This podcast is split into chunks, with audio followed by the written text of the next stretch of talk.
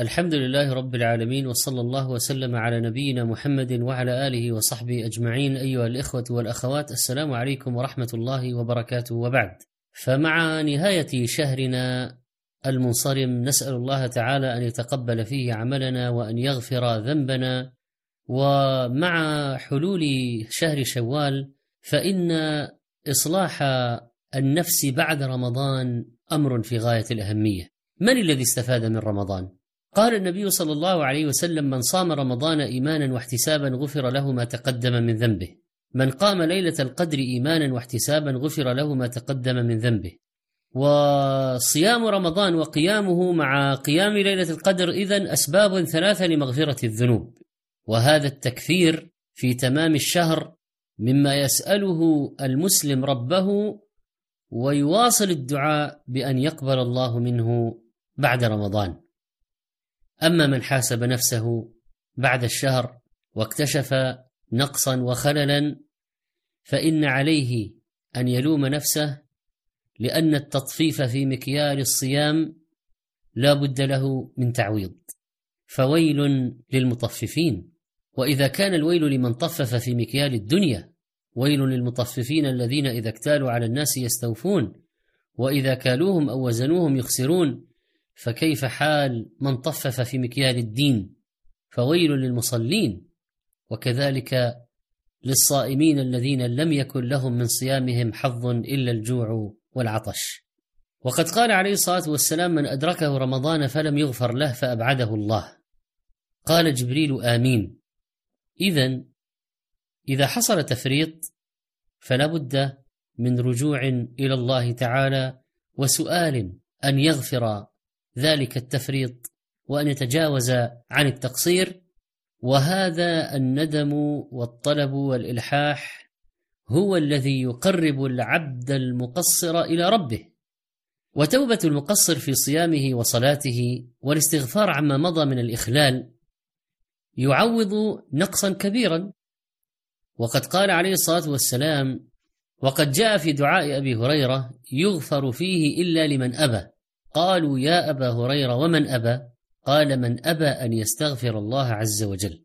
قال الحسن رحمه الله أكثروا من الاستغفار فإنكم لا تدرون متى تنزل الرحمة. قال أحد الآباء لولده يا بني عود لسانك الاستغفار فإن لله ساعات لا يرد فيها سائلة. وقد جمع الله بين التوحيد والاستغفار فقال فاعلم أنه لا إله إلا الله واستغفر لذنبك. تختم الأعمال الصالحة بالاستغفار. كذلك تختم الصلاة والحج وقيام الليل والمجالس فإن كانت مجالس ذكر كان الاستغفار كالطابع عليها وإن كانت مجالس لغو كان الاستغفار كفارا لما حصل فيها. فينبغي أن يختم رمضان بالاستغفار كما كتب عمر بن عبد العزيز رحمه الله إلى الأمصار يأمرهم بختم شهر رمضان بالاستغفار وصدقة الفطر. وصدقة الفطر للصائم كسجدتي السهو وينبغي أن نراعي الاستغفار الذي قام به أنبياء الله.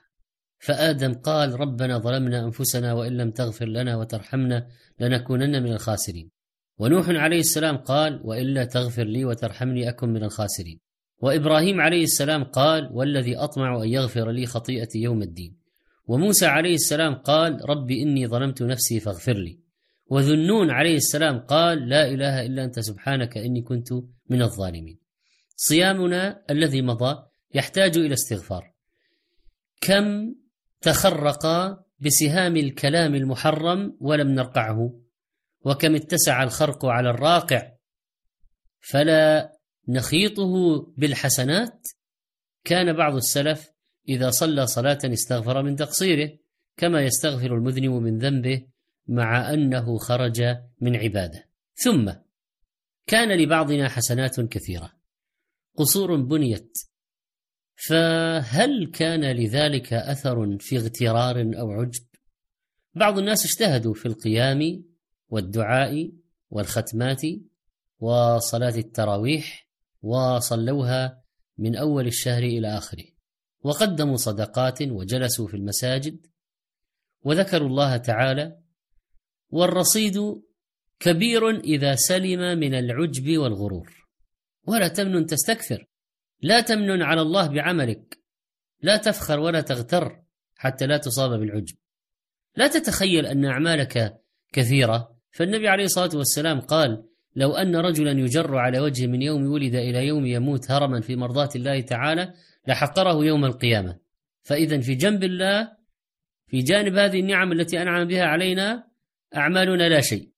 ليست الأعمال ثمنا للجنة لكنها أسباب لدخول الجنة. ثم هل نحن بعد رمضان خيرا مما كنا قبله على الأقل؟ نحن نعرف أن تلك الأجواء لا يستمر مثلها تماما لكن هل نحن بعد رمضان خيرا مما كنا قبله استفدنا من مدرسة رمضان؟ هل الأثر لا زال مستمرا؟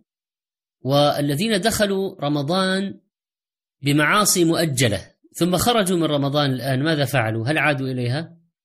ألم يقل الله تعالى عن المنافقين؟ وإذا جاءوكم قالوا آمنا وقد دخلوا بالكفر وهم قد خرجوا به والله أعلم بما كانوا يكتمون. دخلوا عندك يا محمد بالكفر ثم خرجوا من عندك والكفر كامل فيهم. لم ينتفعوا بمجالسك لم يستفيدوا مما سمعوا شيئا لا العلم ولا المواعظ ولا الزواجر أثرت فيهم. اذا بعض الناس ربما يدخلون في رمضان كما دخل المنافقون في مجالس النبي عليه الصلاة والسلام وإذا خرجوا خرجوا كما دخلوا بلا أي نتيجة طيبة ولا فائدة ولا ثمرة. فهل بعضنا خرج من رمضان كيوم دخله لم يستفد شيئا من زيادة إيمان أو حرص على الصالحات؟ هل تم الرجوع إلى المنكرات التي كانت تعمل من قبل؟ هل صارت هنالك أسفار محرمة مثلا في الإجازة التي كانت آه، في العيد؟ ثم إذا جئنا نجرد الحساب فربما نكتشف بلايا.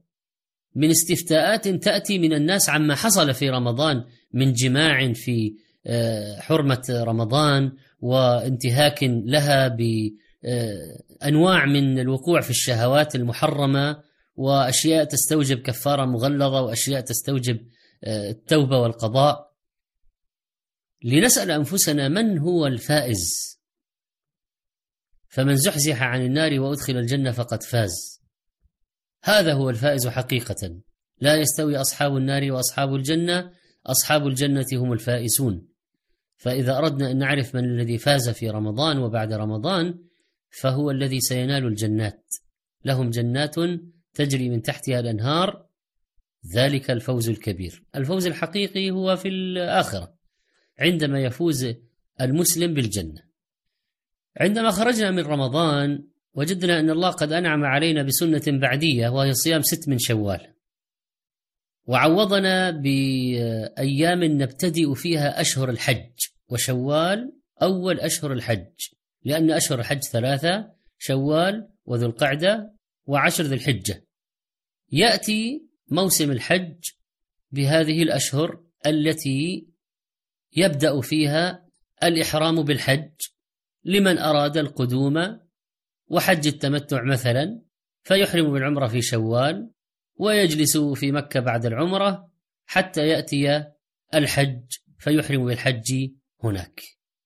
اذا هناك طاعات متواصلة وهناك استدراكات وهناك زيادة في الحسنات وستة من شوال بشهرين مع رمضان شهر بعشرة أشهر صارت سنة كاملة في الأجر وأجر فريضة كما ذكر كثير من العلماء.